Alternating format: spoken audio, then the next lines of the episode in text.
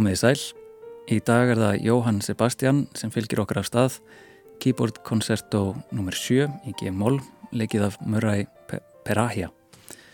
Ég heiti Tómas Ævar Ólásson og í viðsjá dagsins hinn fullkomna tala, húsvörðurinn og með Guð í vasanum.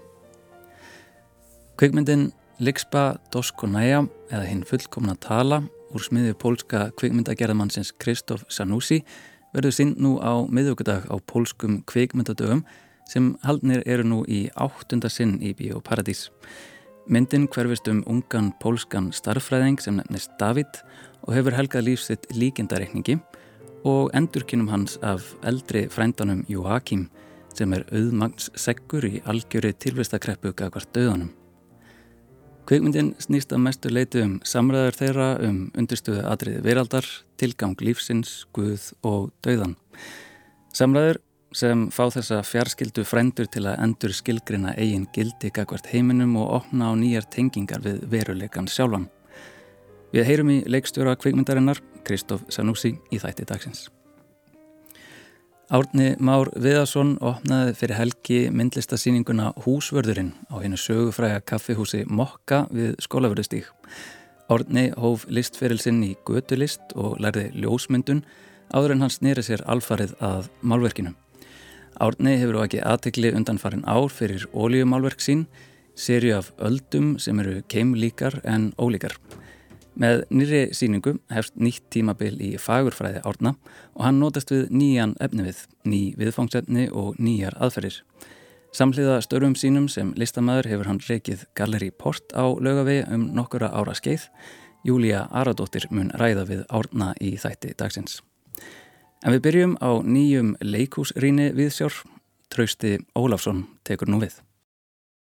Vísindi og tækni hafa gert það kleift að rannsaka mannsheilan af mikillir nákvæmni með sneiðmynda og sínatökum. Með þessum rannsóknum hefur reynst mögulegt að greina margt það megin sem tekið hefur sér bólfestu í þessu þýðingar mikla lífæri, heilanum og jáfnveg læknaðu sum hver að greiningu lokinni. En fram til þessa dags hafa engin vísindi þróað leiðir til þess að taka myndir af því sem gerist í mannseiljanum og ekki er af lífræðilegum toga. Engar vísindarlegar sneðmyndir fyrirfinnast af hugsunum okkar, minningunum sem sapnast hafa fyrir í huganum Orðunum sem þjóta um á ofur hraða í heilanum án þess að brjótast nokkun tíman fram í tjáningu. Nýja heldur af traumatískri reynslu sem leggst ofur þungt á gerðir okkar, líðan og líf og ekki hefur heldur nokkur mannleg vera, tekið ljós eða röntgenmynd af gleðinni þar sem hún snart heila og hjarta á hamingjustundu. Allar slíkar myndir sem við eigum í fórum okkar eru af hennu ytra, af því hvernig gleði og sorgir byrtust á ytraborði en ekki af því sem í raun gerðist í heilanum. Og þetta er gert af listfengi í síningunni með Guð í vasanum sem frumsýnd var í borgarleikusinu á fasturdagskvöldi var. En Marja Reyndal er í senn höfundur og leikstjóri verksins.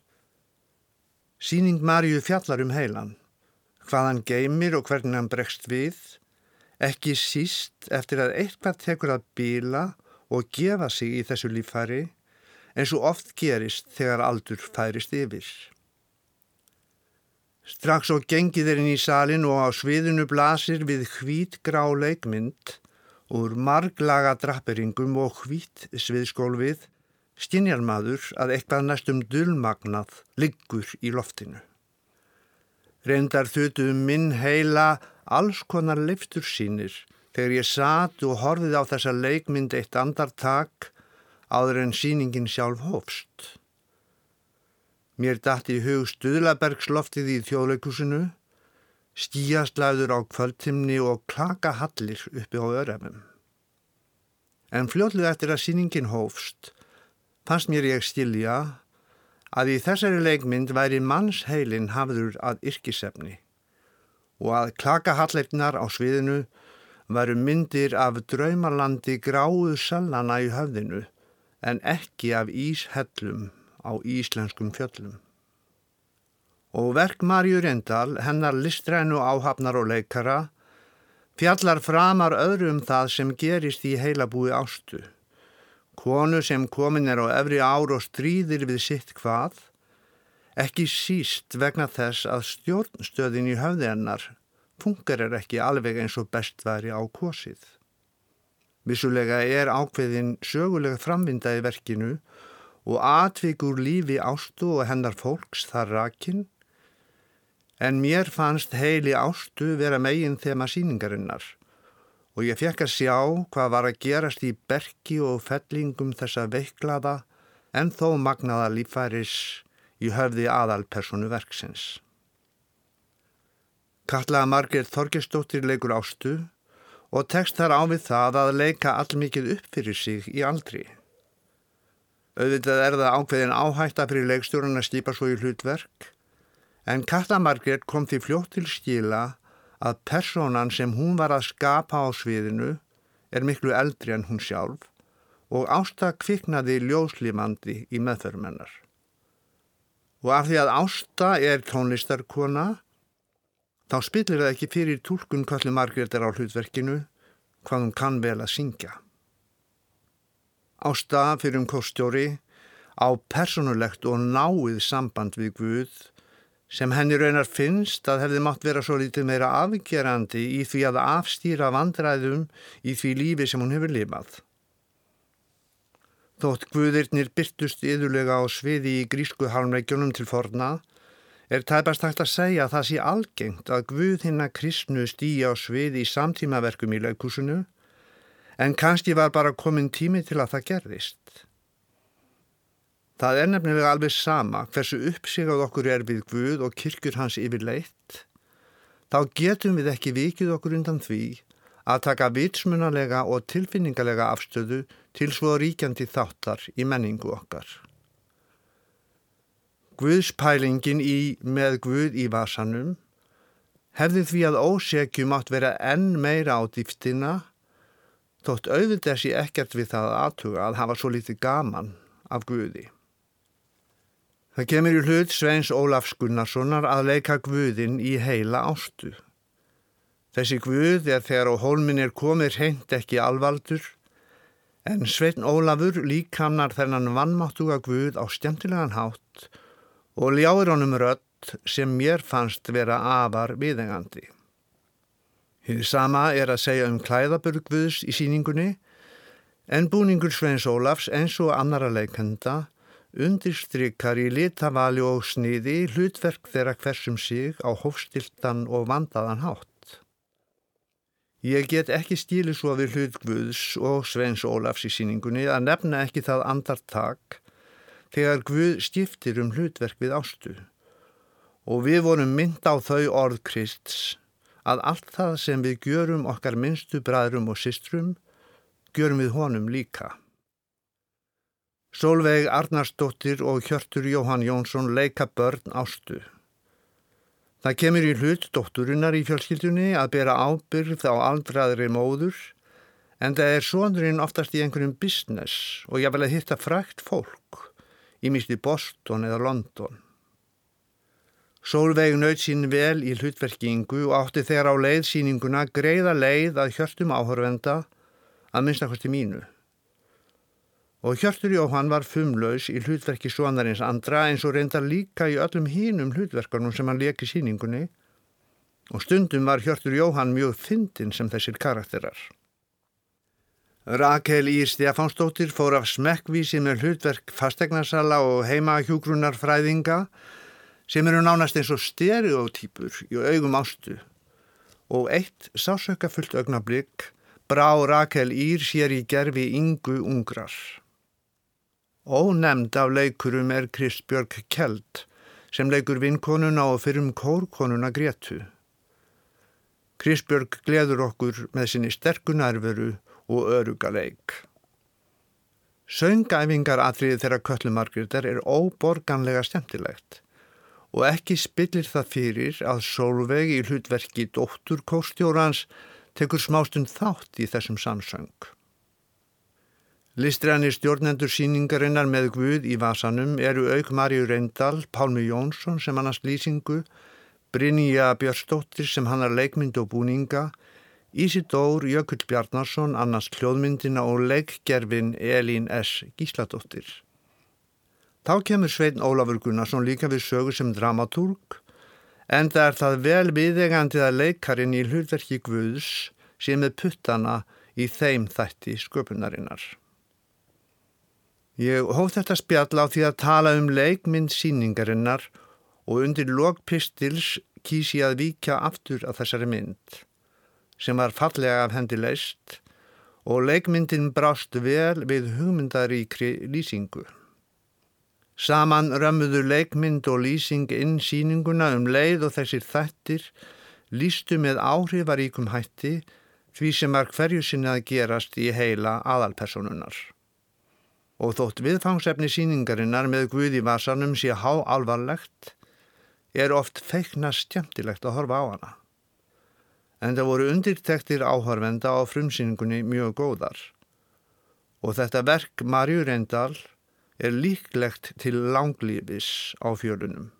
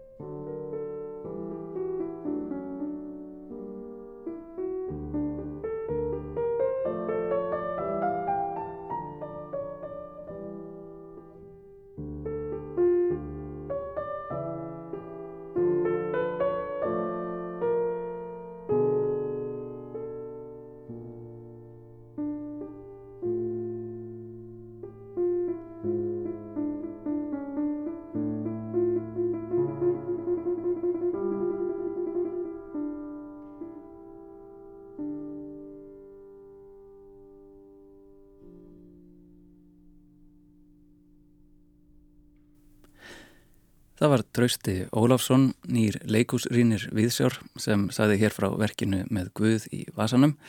Þar á eftir heyrðum við í Jóhanni Sebastian Bach, Italian Concerto í F-dúr, hluti 2, Andante, en það verk er meðal annars hluti af síningunni. En þá hugum við að myndlist, síningin Húsvörðurinn var opnuð á hennu sögufræga kaffihúsi Mokka við skólavörðustígum helgina en hún er enga síning á verkum Árna Más Viðarssonar. Júlia Aradóttir mælti sér mót við hann á opnunadegi og rætti síninguna. Sæl, Átni. Jú, heil og sæl. Uh, til að byrja með getur þú sagt mér aðeins frá síningunni, húsvörðurinn? Herðu, já, ég hérna, er sem sagt uh, búin að vera núna síðustu mánuði. Það er ég búin að vera svona aðeins að, að reyna að hérna, búa til eitthvað á nýju merkum og færa mig svona út frá uh, í rauninni svona þeim stíl sem ég var búin að vera að gera svolítið mikið af uh, ég var búin að vera í ég var búin að fastur í sem sagt bara svona í svona obsessjón á sjó öldum og hérna svona hátradísjónal uh, málverkum sem að hérna uh, gengu alltaf alveg gífilega vel og hérna það var alveg komið svolítið tíma að breyta sko. ég var þeirra að fara, þú veist, það var það var hérna, þetta var orðið það mikið að það var komin tími til að breyta um lit og, og fara aðeins að hérna púsla í einhverju öðru og það er eiginlega aðalega það sem ég er að gera í þessari síningu sko. Ég, hún heitir Húsverðurinn mm -hmm. og hérna ég er nefnilega svolítið mikið að vinna með uh, kústa og fægiskoblur og sópa og eitthvað svona dót í verkunum mínum þarna. Áður fyrir þá hafði ég verið að nota svona límspaða og olíumálingu, núna er ég komin út í svona litasteinunarspasl, uh, málingu, komin aftur í, í hérna spreylakk sem að ég hérna er svona kannski hef ferilum minn í sem úrlingur, þá var ég mikið í, í hérna gödulist eða, eða hvað maður kalla það. Mm. Og hérna þannig að þetta er svona Þetta er eiginlega bara svona, núna er, núna er þetta svona miklu meira skemmtarnagildi heldur en, heldur en annað. Ég er ekki, ekki það, þetta ljómar svo, þetta sé ræðileg verk, ég sé bara að leika mér. En þetta er svona, já, þetta er, uh, ég, er ég er mjög mikið bara að gera tilhörnir og reyna að finna út einhverja nýja stíla og nýja, nýjar aðferðir.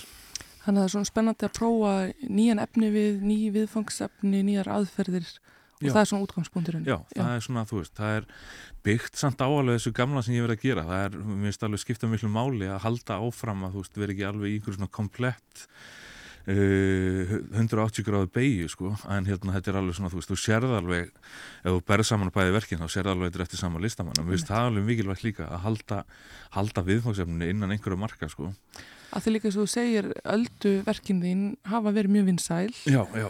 þannig að við getum alveg sagt að þú eigðir aðdándur um, og þú vilt kannski ekki eða þú veist, þú vilt að þau hérna halda áfram að fylgja þér Já sko bæði bara bæði þyrra vegna og mín vegna mm -hmm. veist, þetta verði ekki bara einhver svona overproduksjón þetta verði út um allt og þú veist að það verði eitthvað svona þau séu bæði að eignast eitthvað, eitthvað fallegt fyrir heimilinu þetta er ekkert gaman að eitthvað fallegt á heimilinu sinni sem að er síðan á öllum heimilinu sko. og svo eins fyrir mig sem myndlistamanna þá er þú veist, það er heldur ekki gaman heldur ekki gaman að vera alltaf bara að gera þú veist, sambarileg verk þú veist, þú er alltaf í, í svona söpum geira sko en ég vil samt heldur ekki veist, að hljóma þannig að þetta er ekki alveg orðið svona sko, veist, það er enginn sem mun koma í dag og sjá síninguna sem að mun uh, ekki þekka handbræðið, mm -hmm. það mun ekki vera þannig mm -hmm þannig að hérna, já það er svona, þetta er, þetta er svona ný þetta er svona, þetta er svona ný nálgun á, á gammalt mótíf sko má segja. En segðu mér, þú komst aðeins inn á uh, spreybrúsa gödulist og þú segir að þú hafið svolítið byrjað þar Já, já.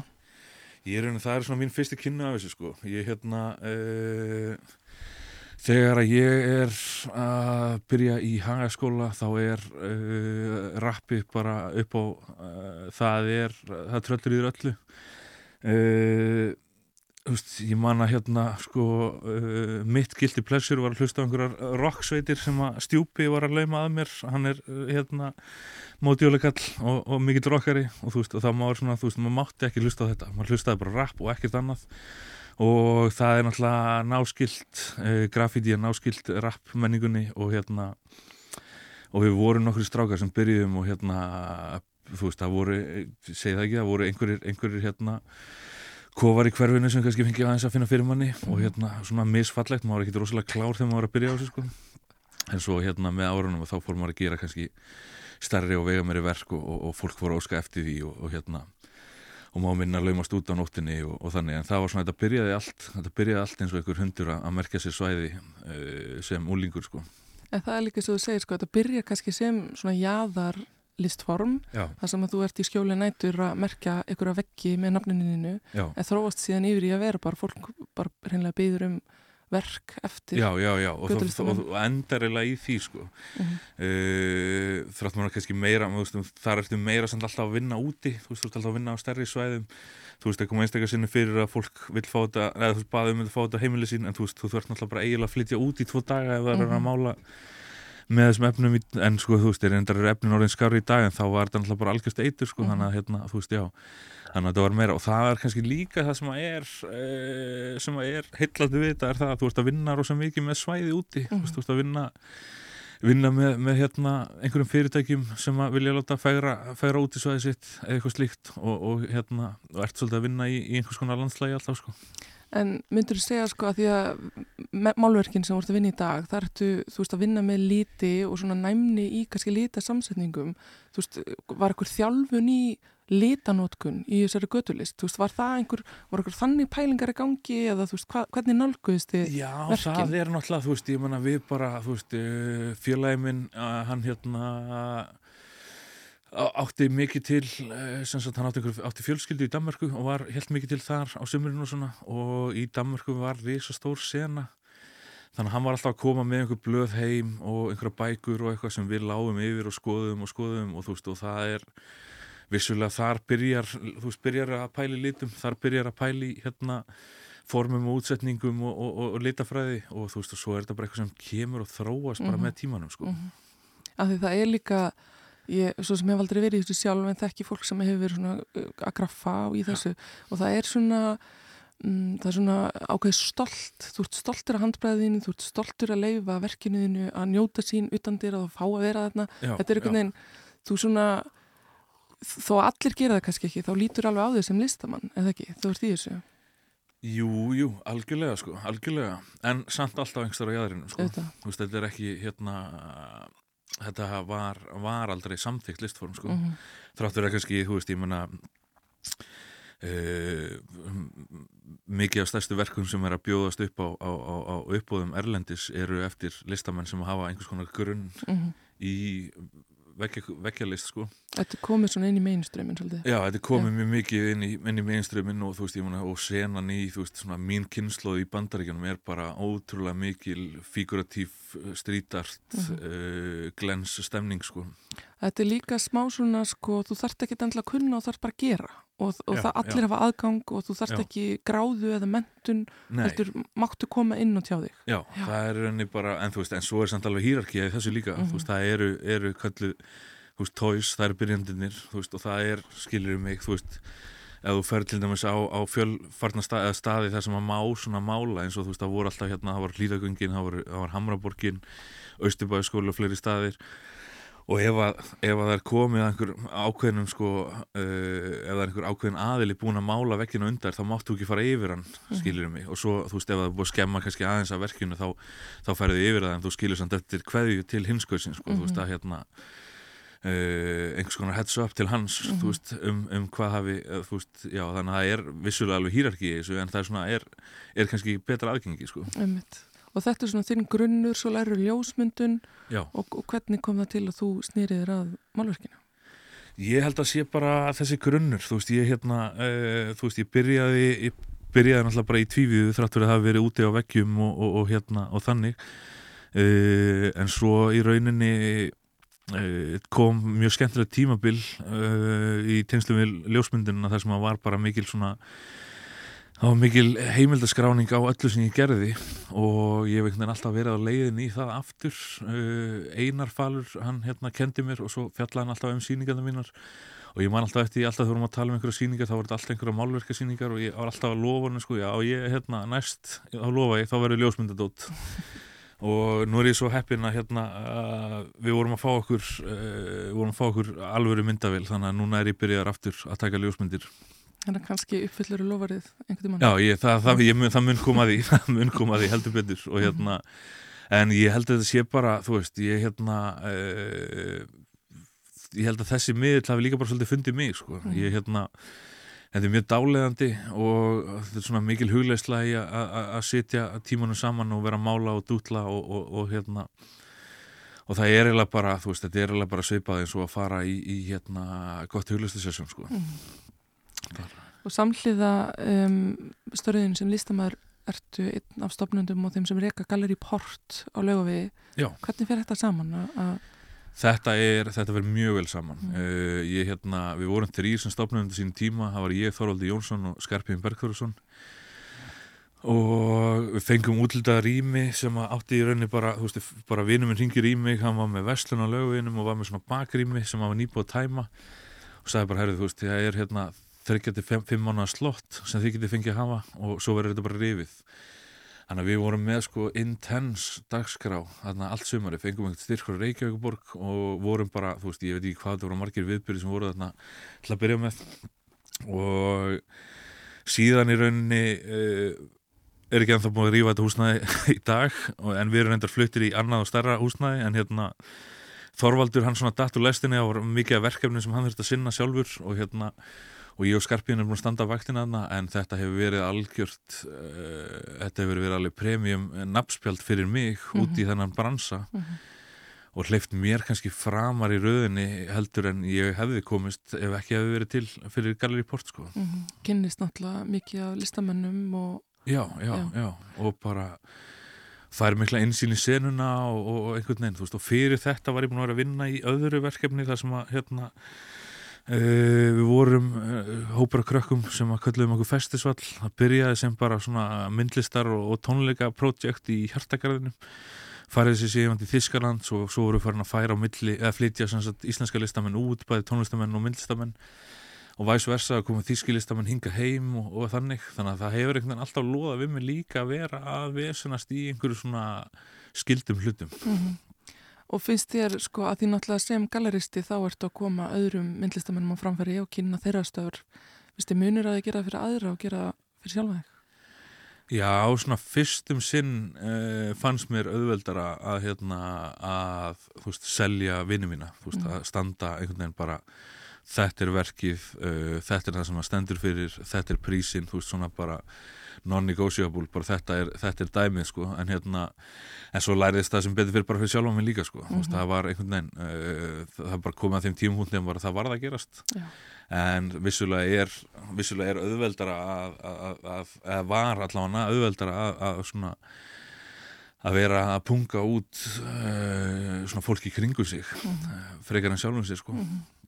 Og, en núna þessi síning, hún er ekki í Gallery Port, hún er á Mokka, kaffehúsinu á Skólaverðstíg, já, sem er þetta sögufræði, stað, sögufræði staður, þú veist, bara kynnslöðu listamanna hafa drukkið kaffi þar og sínt og... svo skemmtilegt við þetta. Það, veist, þarna voru þarna hafa allar bóheimjur uh, ákveði tímabils á síðasta ári sitið og, og, og drukkið kaffi og, og, sagan segi nú að því að þetta var, að það var ekki leift vínarna að það hafa alltaf verið eitt peli undir borðið sem var látið ganga í bollana sko. þannig að hérna, þarna var sitið mikið og, og, og rætt og, og spekulerað og margar sýningar, summararnir voru mikið Mhm. þarna, þú veist, það er alls konar Þannig að það er mjög gaman að haka í þetta á fyrirskránni að hafa tekið þátt í, í þessu verkefni sem að mokka er sko. mm, Og, tengja sér inn í þá sögu eitthvað neginn. já, og þetta Mhm. er bara ennþá sama fjölskyldan og stopnaði þetta. Mm. Veist, þetta eru, þetta eru hérna, uh, dóttir Guðmundar sem stopnar þetta og maður hennar sem að sjá um þetta í dag uh, að ég best veit og hérna, þannig að þetta er bara, þú veist, já, mjög gaman, mjög gaman að fá að, að taka þátt í þessu.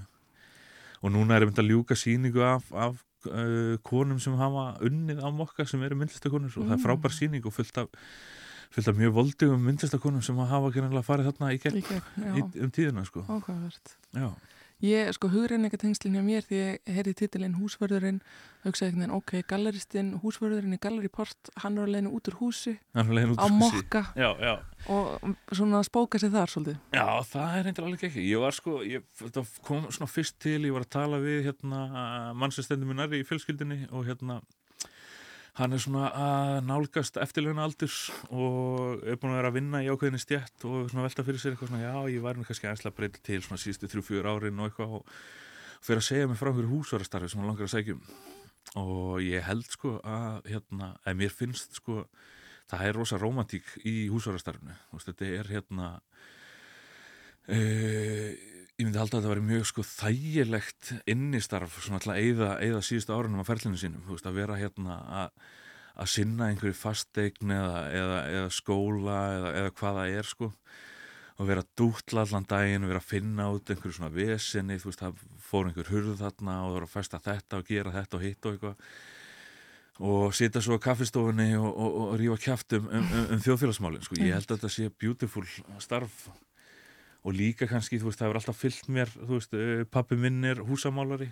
Veist, þannig að ég, þegar ég er að byrja þá er ég rosa mikið að vinna með þú veist, svona tæki og tól sem yðnaða menn nota. Og það er alltaf fyllt mér rosa mikið svona, svona yðnaðamanns störf þú veist, og hérna eða sko, kannski öllu heldur yðnaðamanns aðferðir sko og, og, og efni og þú veist, ég var að fá hjá hann þú veist, hann vann í málingavæslun á tímubili og þá var ég að fá rosa mikið af, þú veist, misblöndum og skipalakki og alls konar spastli og dóti og eitthvað, þannig að verki, verki mín hafa alltaf bóriðis merki að tengjast í rauninu á einhverju leiti inn á, veist, inn, inn á húsamálarna sko. mm -hmm. verka manna bakgrunn eða tenging já, já, já, já, þú veist þannig að húsverðurinn hann, hann smelt passar bara inn í, í þessa formúlu sko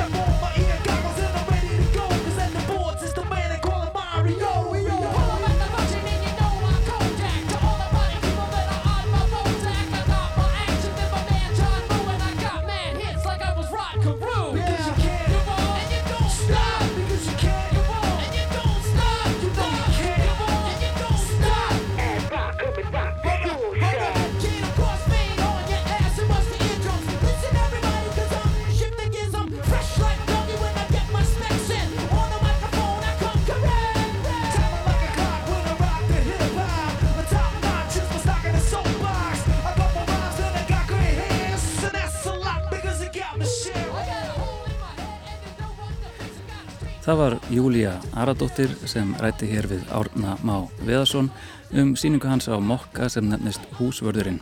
Þar á eftir var það ekki Jóhann Sebastian, heldur Beastie Boys sem leku brot úr læginu Sure Shot. En þá að allt öðru.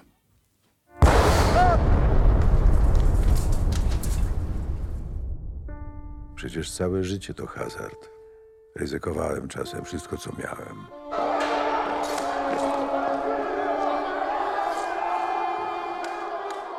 I czy cokolwiek w życiu jest sprawiedliwe? Czy nagradzani są szlachetni, a karani niegodziwi?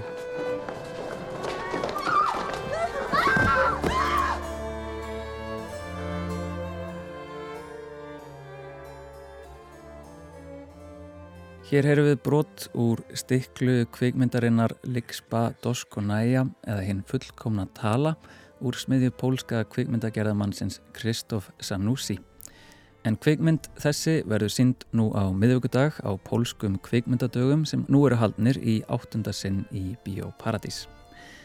Myndin hverfist um ungan pólskan stærðfræðing sem nefnist David og hefur helgað lífsitt líkindareikningi. Hann hefur starfað í þrjú ár fyrir stórfyrirtæki í bandaríkjunum til að sapna nógu stóri fjárhæð til að geta lifað á, hófsamlega, allt sitt líf. Þegar hann flyttur aftur heim til Pólans kynnist hann fjarlægum frænda sínum, Joachim, sem er öllu eldri, auðmagns seggur, sem er í algjöru tilvistakreppu gagvart döðanum. Mikill vinskapur upphefst þeirra á milli og fá áhórundur að fylgjast með þeim ræða um allt milli heimins og jarðar, undustuðu atriði veraldar, tilgang lífsins, guð og döðan. Eftir því sem sögunni vindur áfram, byrja David og Joakim að endur skilgreina eigin gildi gagvart heiminum og opna á nýjar tengingar við veruleikan sjálfan. Í morgun ringdi ég austur til Pólans og rætti við leikstjóra kvikmyndarinnar Kristof Sanussi sem stattur var út í skógi og mín fyrsta spurning til hans var hver er hinn fullkomna tala?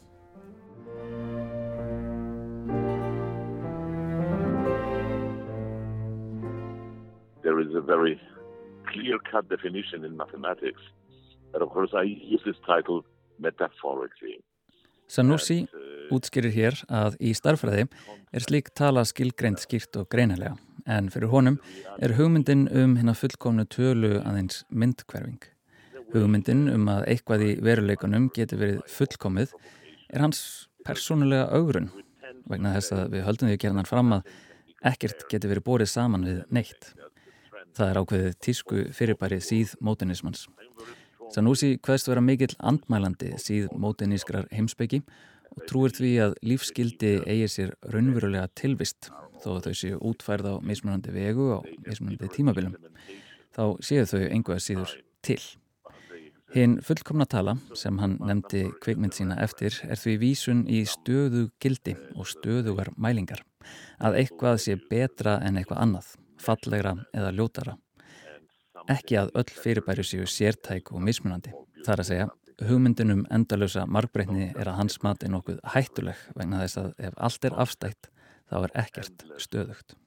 Uh, diversity of the world is a little bit dangerous because people constitute to, to another concept of total relativity and if everything is relative, is constant. Þegar ég indi hann eftir heimsbyggilegum undirstöðum kvikmyndarinnar saðist Sanúsi hafa lært heimsbyggi í háskóla en eins og allir nefnendur fagsins lagði hann stund á alla þá ströyma og þær stefnur sem dukka upp innan sögu heimsbygginar. I was somehow looking towards uh, existentialists because they were more close to the Socrates, Socratesian approach when you try to answer a practical question how to how to administer, how to manage your life. Hann rendi hýru auga til spekinga tilvistastefnunar vegna nálaðar þeirra við hérna sókratísku aðferð. Þar sem leitaðir svara við praktískum spurningum eins og hvernig maður eigi að ráða við og stjórna eigin lífi. Ekki aðeins spurningum um grundvallar formgerðir alheimsins. Á námsárum sínum í Pólandi á sjönda áratögnum nam Sanussi heimsbyggi í andrumslofti sem var mjög litað af marxisma. Pólitískum fræðum sem hann var mjög ósamala vegna þeirrar ríkistrúarlegu áru sem marxismin hafði í kommunískum löndum á þeim tíma.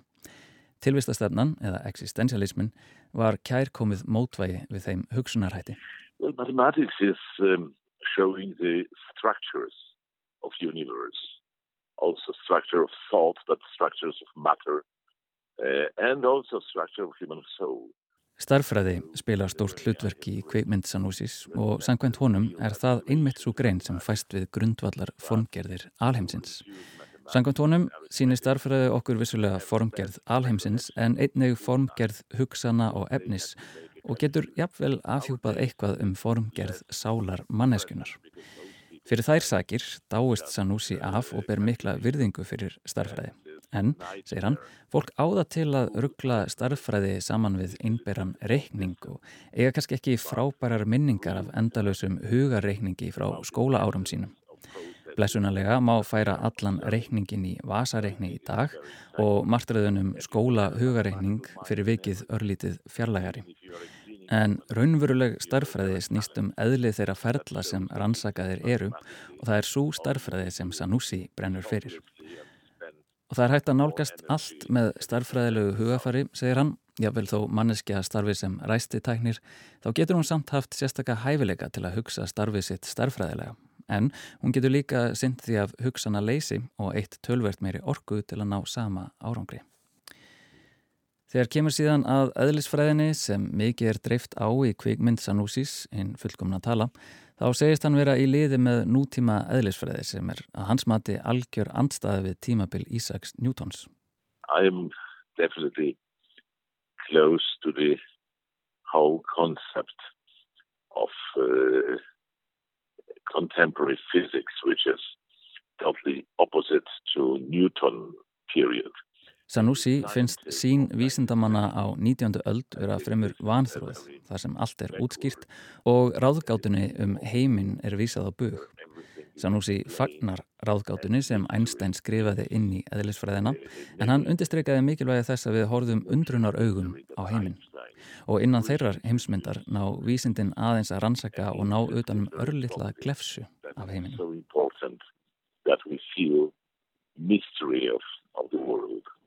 And science is only revealing some small, small proportion of the complexity of the world. Það var hér sem samband mitt við Sanusi sem stóð í skói í Pólandi rofnaði en ég reyndi aftur.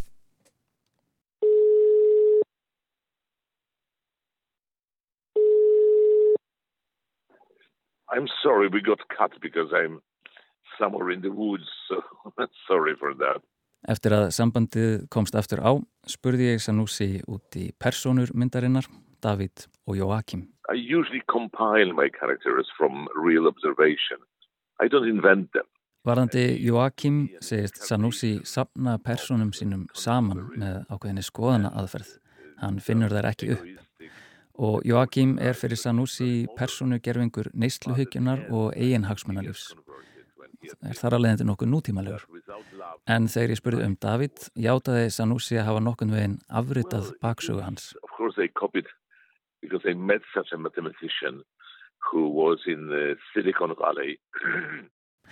Þannig að mál með vextið að Sanusi hitti starfræðing sem starfaði í Silikondalunum í Kaliforníu og sapnaði peningi til frambúðar en áskotnaðist eiginlega óvart of mikill peningur og varð mjög ringlaður varðandi hvað hann ætti að gera við fjöð.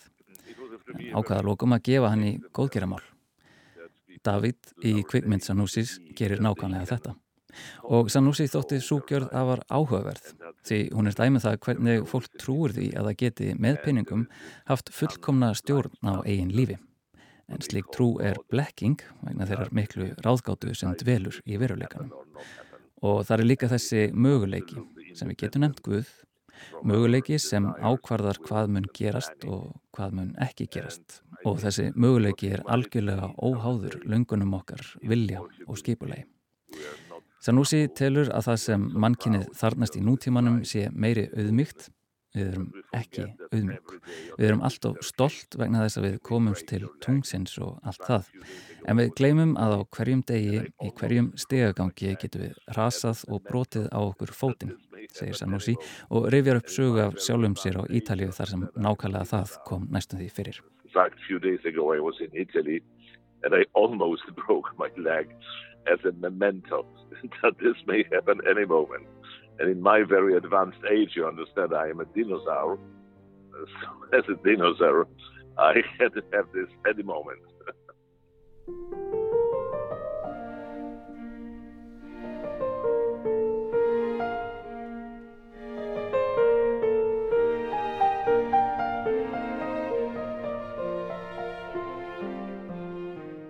Eina leið að aukinni auðmygt má síðan sjá í kvikmynd Sanúsis, hinn fullkomna tala, en þar byrstist hún sem ást og kærleikur. Love means you have to limit your freedom. If we have to, to leave, to sacrifice part of our freedom if we want to love the others. Kærleikurinn þýðir að við verðum að takmarka frelsi okkar. Við verðum að fórna hluta frelsis okkar til að elska náungan og til að öðlast ást. Og kærleikurinn er að mati Sanúsis algildasta lífsgildið sem við þörnumst til að upplefa lífsfyllingu. En kærleikurinn er vissulega eitthvað sem við öðlumst aldrei alveg. Hann er tilgangur sem við stefnum að og tilgangur samkvæmt Sanúsi er Point on the horizon. We aim at something and if we try to approach it, it is going like horizon, far away we never achieve a real point. Tilgangurinn er staðsettur í sjóndeildarhingnum. Hann er eitthvað sem við meðum á, stefnum að, en ef við reynum að nálgast hann mun hann hörfa. Fjarlæðast eins og sjóndeildarhingnum er tamt. Við getum aldrei eignast tilgangin sem við höfum lífið okkar eftir en við öðlumst kannski tilfinningu fyrir því í hvaða átt við reyfum okkur. Með því að innlega einhvers konar tilgang í eigið líf og færa þær fórnir sem nöðsynlegar eru til að sækjast eftir honum náið kannski með einhverja hefni að betrum bæta okkur sjálf og jafnvel heiminn. Því miður hættir fólki til að nefna þennan stóra tilgang haminguna sem Sanusi finnst ekki ná alveg utanum möguleika manneskunar. Því hvað nákvæmlega er hamingjan og þurfum við raunverulega að vera hamingisum, spyr hann. Og minnist á að við erum nú þegar vel sloppin í lífinu ef við missum ekki vitið. Því það er nokkuð sem getur vissulega komið fyrir mikið af fólki sem stendur ekki undir auknu og margslungnu álægi samtímans. that they cannot stand the pressure of the contemporary complex world.